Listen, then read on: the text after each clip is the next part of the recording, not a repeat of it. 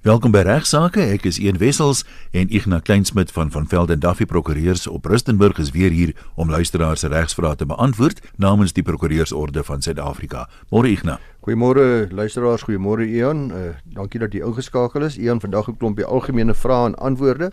Eerstens, ek het dit al 'n rukkie terug bespreek, maar ek het weer daarna as gevolg daarvan 'n paar antwoorde gekry. Dit gaan oor die feit dat daar volgens die pers op hierdie stadium reeds 'n agterstand is van ongeveer 194000 rybewyse. En dit is by monde van Dr. Blyden is 'n man, die minister van vervoer wat onlangs geantwoord het op 'n vraag van die DA oor wat gaan aan, wat is die probleem? Mense kry nie hulle rybewyse nie. En baie van die mense wat hulle rybewyse dink kry die dink dat hulle dan nie kan bestuur nie, dat hulle dat hulle voorgekeer sal word of alternatiefelik dat hulle as hulle ongeluk is, hulle motor versekering nie in sal skop nie want hulle nou nie 'n geldige rybewys nie. So praat ons van hernuwing of eerste keer rybewys? Ons praat van hernuwing. Ons praat ah. van hernuwing. Onthou daar's 'n verskil, dis die belangrike punt wat ek weer wil maak.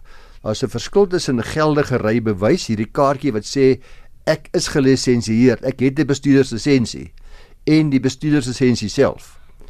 Die bestuurderslisensie kry jy na jy getoets is en jy's gelisensieer en jy kan bestuur. En dan kry jy elke 5 jaar 'n kaartjie wat sê net om te bewys dat ek 'n geldige bestuurderslisensie het. So daar versekerings kan nie eis vir 'n motorongeluk weier net omdat jy nie oor die geldige kaartjie, die rybewys beskik nie. Wat beteken jou lisensie het verval omdat jy nie meer 'n rybewys het omdat hy verval het nie. Uh so dit is oor en oor nou deur mense gesê, so dit sal nie invloed hê op versekeringseise nie. Jy kan ook nie as jy maar net bewys jy dat jy aansoek gedoen het vir jou geldige rybewys, dan kan jy ook vir die verkeersman sê ek het nie lisensie mens bewys van my aansoek wat ek gebring het. Uh want daar's 'n groot agterstand. Ek sien daar is gesê dat uh, die rede daarvoor is is 'n voorval waar inligting van die departement se stelsels uitgewis is, maar hulle werk blykbaar baie harde aan om dit uh, te herstel en uh nou ja Dit is nou al 'n baie lang probleem, maar dit word al hoe erger en erger en erger en ek hoop net maar eendag van 'n tyd sal almal nou hulle geldige rybewyse weer in hulle besit kry. Sien mens moet miskien maar as joune uh, gaan verval en oor 'n paar maande, vroeër eerder as later gaan vir die prosedure om dit te hernie. Ja, daai daar's 'n meneer Simon Zwane van die Padverkeersbestuurskoöperasie wat uh, baie sterk gereeld aanbeveel vir mense om minstens 4 maande voordat hulle rybewys verval reeds 'n afspraak te maak om dit te hernie. So hou maar kyk maar weer 'n slaggie na mense rybewys. Die ander ding wat natuurlik gereeld gebeur, jy kry nie 'n kennisgewing dat jou rybewys hernie moet word nie. En dan vergeet jy daarvan en dan wil jy die laaste oomblik nou vinnig gaan. So kyk my weer 'n slaggie almal wat luister weer wanneer word u rybe wanneer tot watter datum is u rybewys geldig en dat u minstens so 4 maande voor die tyd probeer om 'n afspraak te kry om dit te gaan hernie. Nou dis een ding om te sê ek het aansoek gedoen vir die hernuwing van my rybewys, maar ek het nog nie die nuwe kaartjie ontvang nie. Ja. Wat van mense wat glad nie aansoek gedoen het nie? Sê nou joune verval vandag en jy het nie aansoek gedoen nie en oor 'n nee, oor 'n maand. Dis, dit is 'n oortreding. Dis 'n oortreding. Mens moet mens moet aansoek doen vir 'n nuwe ene wanneer jou uh, verval het. Daar's 'n daar's 'n sekere grasie tydperk tussen die vervaldatum en die ja, en die uh, wat jy aansoek moet bring en die datum wat jy aansoek bring.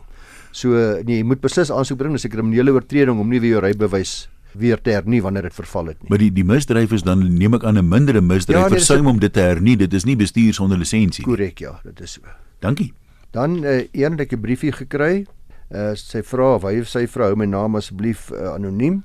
Iemand wat ek ken was ongeveer 40 jaar getroud toe haar man onlangs skielik oorlede is. Met sy dood het hy absoluut niks vir haar nagelaat nie. Hulle drie volwasse kinders en sy drie plase is aan hulle bemaak. Die arme vrou sit letterlik op straat na 40 jaar waarin sy hom in alles ondersteun het en hy haar boonop meestal baie sleg behandel het. Dis nou 'n vriendin wat skryf. Dit blyk ook dat nie jy kontant geld of polisse gehad het met sy afsterwe nie. Sy is 'n moedverlose vlakte. Wat is haar regte? Sy vra sy vraag oor oordragkoste wat ek nie dink uh, ek gaan beantwoord nie. Uh kinders wat nie kan bekostig nie, maar uh hulle moet maar prokureur daaroor gaan sien. Maar dames, uh, as u vriendin getroud is binne gemeenskap van goedere, dan kan die oorledene natuurlik nie haar onterf wat betref haar halwe aandeel van die gemeenskaplike boedel nie. So outomaties is die helfte van die oorledene se gemeenskaplike boedel saam met die langslewende behoort aan die langslewende en dit kan dit kan net oorbeskik word uh, in sy testament oor sy helfte. So wanneer mens dood gaan beskik jy oor jou helfte. Dan is is mens getroud is buite gemeenskap van goed. Dis waarskynlik die geval met hierdie dame. Buite gemeenskap van goed, dan is die vraag of die aanwasbedeling op jou huwelik van toepassing was.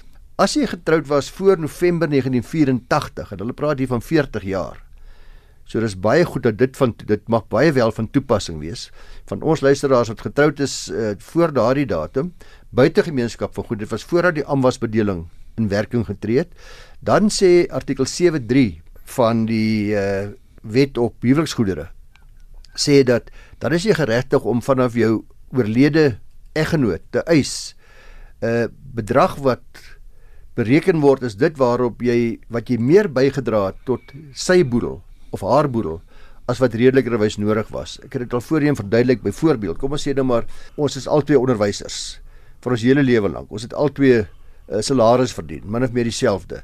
Nou aan die einde van ons huwelik by egskeiding of by afsterwe maak die saak nie.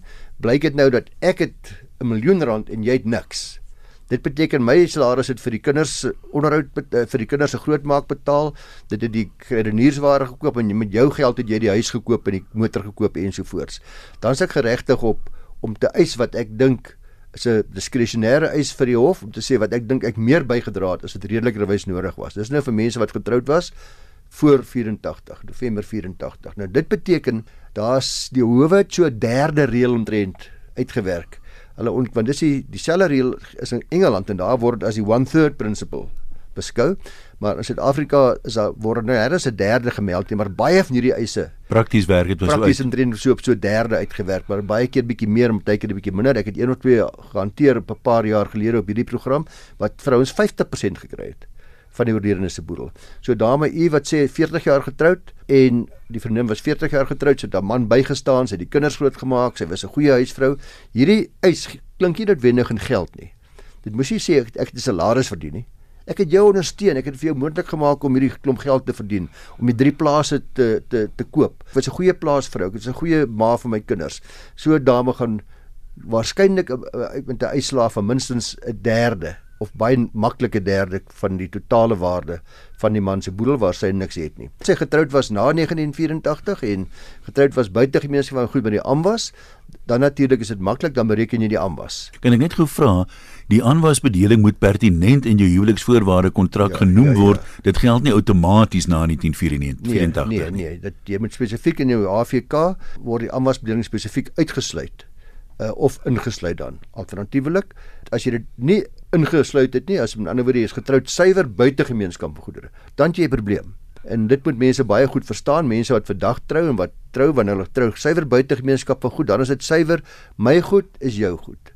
En jy het geen eis hoegenaamd teen die oorderende se boedel nie eh, behalwe in sover as jy kan wys het inderdaad 'n finansiële bydrae gemaak tot sekere van sy bates. Byvoorbeeld ek het die slaapkamer aangebou destyds eh, of ek het geld aan hom geleen of aan haar geleen eh, of daar was ander kontraktuele verbintenisse tussen ons as gevolg waarvan ek bedrag kan eis maar nie in terme van van die huweliksgoedere bedeling nie daar's jy net soos ek en jy uh, ons is totaal twee onafhanklike mense wat ons bates betref. Wat wel belangrik is vir ons vir ons luisteraar hier is, daar's ook 'n wet op die onderhoud van die langslewende gade. Wet op onderhoud van die langslewende gade en daardie wet bepaal dat wanneer ek getroud was op datum van die afsterwe van my eggenoot en hy het my onderhou of sy het my onderhou, dan kan die langslewende dan 'n eis, die langslewende gade in terme van die wet op die onderhoud vir die langslewende gade vir 'n bedrag onderhoud. Nou daardie onderhoud sal afhang van wat erf ek genoeg uit die boedel uit dat ek nie meer onderhoud nodig het nie. Uh het ek ander inkomste? Is ek regtig onderhoudsgeregtig en wat was in watter mate was ek onderhou? En dan word dit aktuarieel bereken vir die tydperk van my lewensverwagting. En gewoonlik is dit 'n redelike groot huis, veral by jonger mense. As mense al redelik bejaard is, word die eise bietjie minder, maar 'n goeie eis om in te stel vir onderhoud waarop u geregtig is en die voorbeeld wat u gegee word van ons luisteraar van haar vriendin lyk of dit absoluut van toepassing gaan wees. Word dit dan so bereken dat dit as 'n enkel bedrag uitbetaal word, word of is dit 'n maandelikse nee, bedrag? Nee, 'n enkel bedrag uitbetaal, dit word aktuarieel bereken op wat dit sou wees oor die lewensverwagting van die langslewende gade. En wat gebeur kom ons sê jy's nou 40 jaar oud as dit as dit gebeur en jy slaag met jou eis maar op 50 ontmoet jy 'n ja. nuwe ryk man, 'n ryk prokureur ja, ja, ja. byvoorbeeld, is dit dan nou irrelevant? Ongelukkig geen teruggawe nie, gelukkig geen teruggawe nie. Los gelukkig. Dit is 'n uh, oral waar daar bedrae bereken word, soos byvoorbeeld by derde party sake ook word daar uh, verlies aan inkomste bereken uh, op die veronderstelling dat ons gaan lewe vir die gemiddelde termyn wat aktuarieel bereken word vir die lewensverwagting van mans of die lewensverwagting van vrouens. Interessant is dat daai lewensverwagting uh, kyk nie na ras nie en daar's redelike groot verskille tussen die lewensverwagting van blankes en ander rasse in Suid-Afrika en ook mans en vrouens en ook mans en vrouens. Mans en vrouens kyk hulle na. Maar rasse en daardie uh, speel nie 'n rol nie.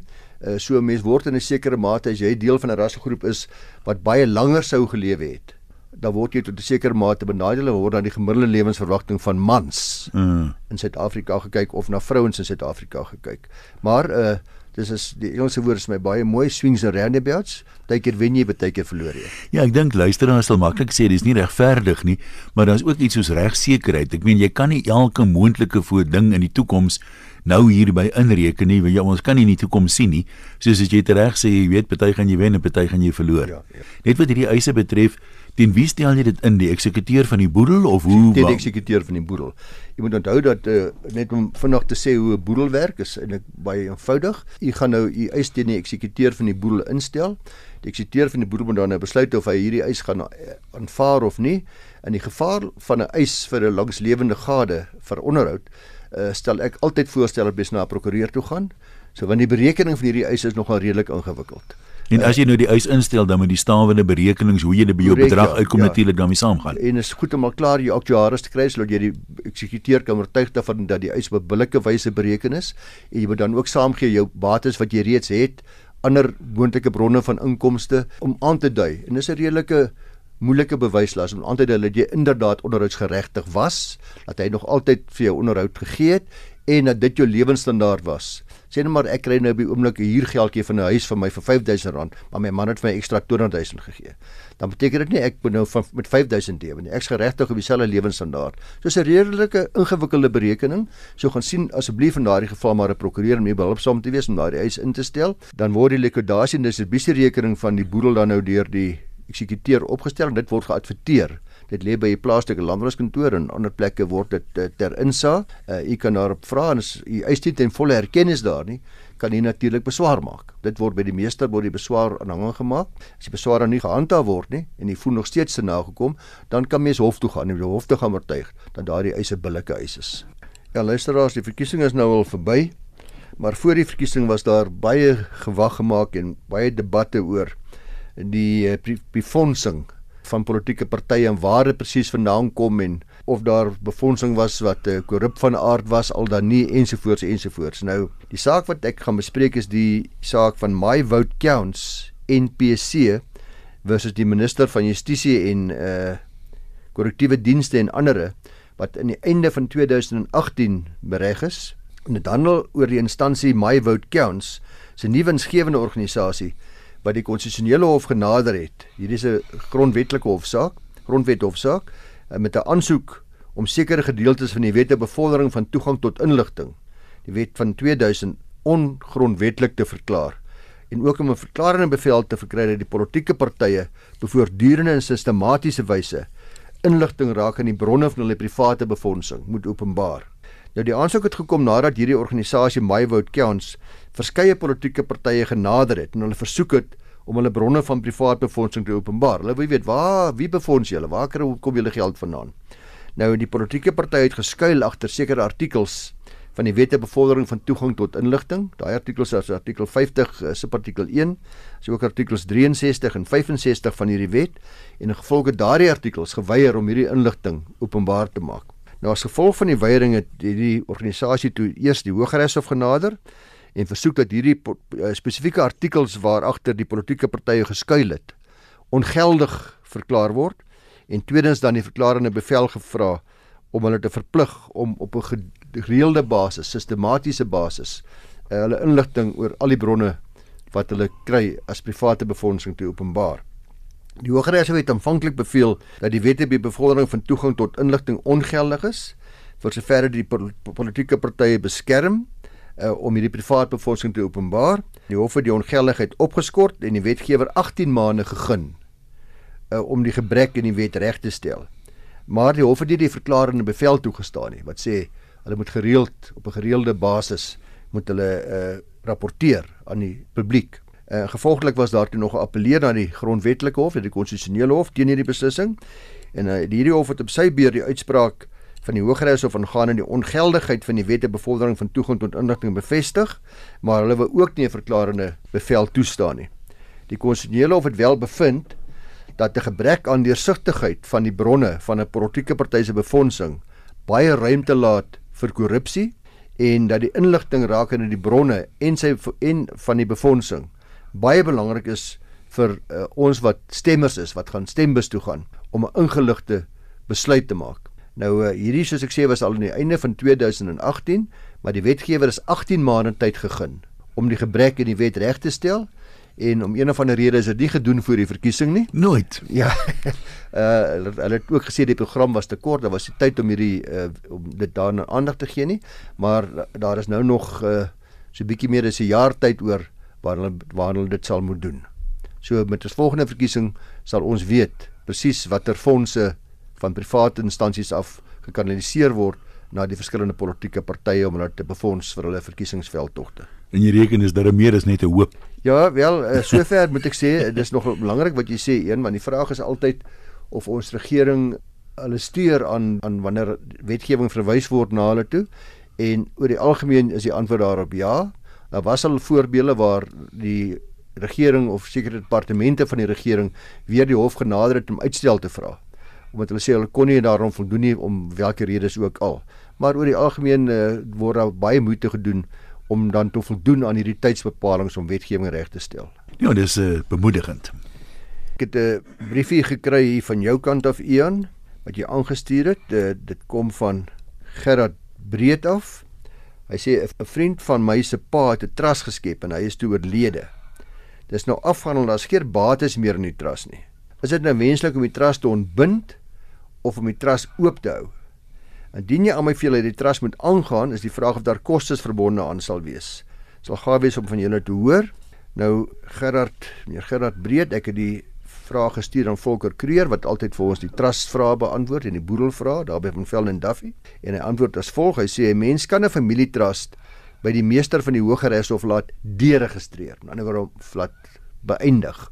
Daar's egter geen nadeel daaraan verbonde om die trust maar net dormant te laat lê nie. As die trust geen bates of inkomste het nie, sal daar geen belastingimplikasies wees nie.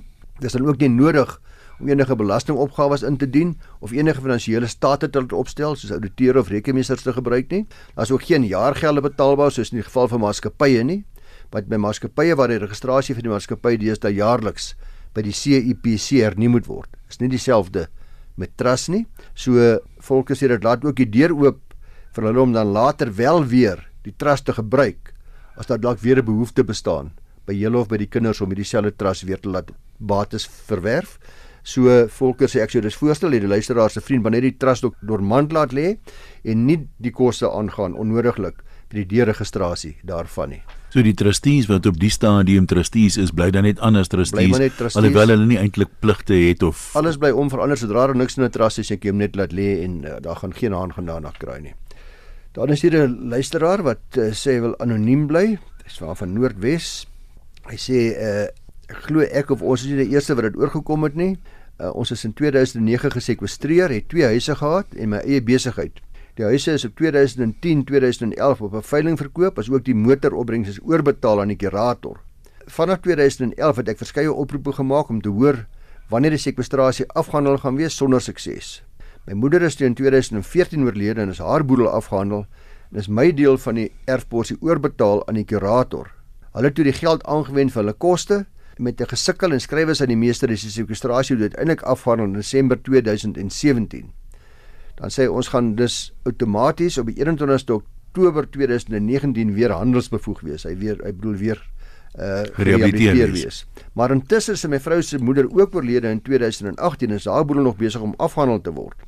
Die eiendom is nou verkoop, nog nie geregistreer nie. Uh, wat word nou van die erfposie vir my vrou? Is die kurator nou weer soos 'n brommer? Hulle sien nou weer geld. Ek glo die boedel sal om en by Oktober afgehandel wees. Ek dink dit sal 'n interessante praatjie wees. Nou belangrik is eerstens luisteraar want dis 'n baie belangrike vraag wat hy vra. Sy vrou het nou geërf en die gemeenskaplike boedel is nog nie gerehabiliteer nie. Uh so wat gaan vir sy vrou se erfposie word? Eh, eerstens is dit belangrik, ek het al voorheen op hierdie program gesê hoe belangrik dit is om in die testament 'n insolventie klousule in die testament te voer. Dis 'n klousule wat sê indien enige erfgenaam insolvent is op datum van my afsterwe, dan sal daardie erflating nie na 'n erfgenaam toe kom nie, maar na 'n insolventie trust. 'n Trust wat spesifiek vir daardie erfgenaam daar gestel word en dat daardie trust sal dan nou na hierdie geld moet kyk totdat daai erfgenaam se insolvente boedel of gerehabiliteer is. Is dit 'n redelik standaard klousule in meeste testamente? standaard klousule. Ek is elke keer verskriklik teleurgestel as ek sien dis nie in mense se testamente nie. So daar's wel testamente wat dit nie in het nie. Ja, daar's baie veral van die ouer mense, baie van hulle wat dit maar die laaste dekade of 2 sal alle nuwe testamente dit nee wel, dis nou van mense wat weet hoe om testamente op te stel. Bygesê. Bygesê.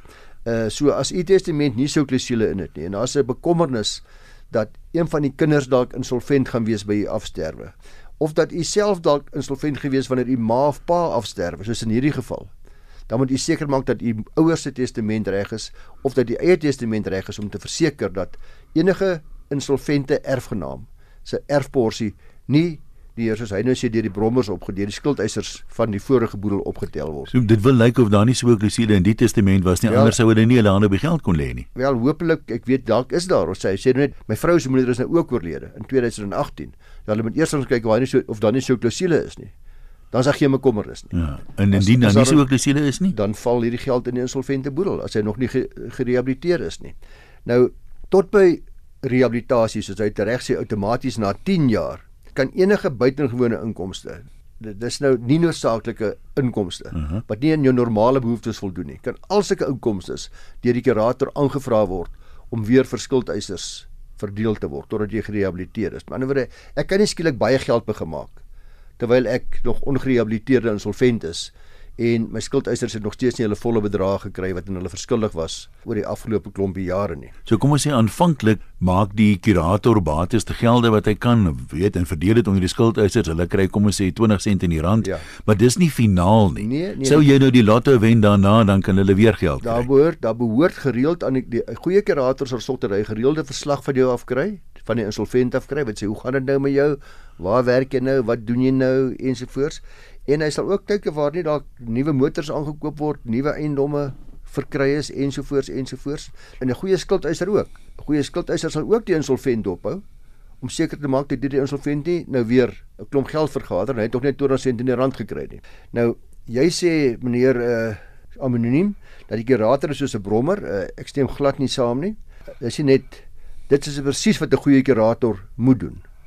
Want 'n klomp mense het geld verloor As 'n klomp mense wat aan wie u nog 'n klomp geld skuld, wat nie gaan dink die kurator is 'n brobber nie. Hy het 'n plig om alles moontlik te doen om die maksimum hoeveelheid geld wat u verskuldig is aan u skuldenaar, 'n uh, skuldeiser, ekskuus, om dit te vergader by mekaar te maak en hulle oor te betaal soos en wanneer dit moontlik is. Uh so net om weer terug te kom, as mens getroud is in gemeenskap van goedere, dan val dit in die gemeenskaplike boedel as u en die vrou getroud was buite gemeenskap van goedere en net u eie boedel was gesekwestreer is daar natuurlik weer geen probleem nie en sal die kurator nie eis wat die raadmoeder nou doodgaan en dit vererf aan haar nie wat hy wel geërf het homself, kom ons sê hy was nou buite gemeenskap van goed getroud, dit kan wel aangewend word weer in die belang van skuldeisers. Ja, go, hy is nou nog insolvent, maar sy vrou erf ja, nou ja. van haar ma af en as hulle buite gemeenskap van goed getroud was, kan kan haar ma dit maar maak kan sy vrou daarmee maak wat hy wil, maar sy eie erfporsie as hy weer geërf het binne die uh,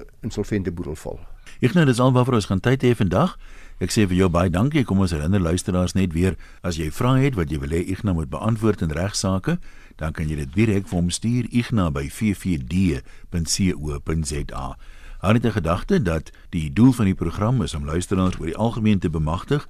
So ons antwoord jou vraag, maar jy sal hoor Ignas praat ook dikwels 'n bietjie weier daaroor maar hy kan ongelukkig nie direk betrokke raak en namens jou optree en eise instel en so aan nie. Al die regsaake programme is ook beskikbaar as potgoeie op rsg.co.za. Mooi loop, ons praat volgende maandag weer.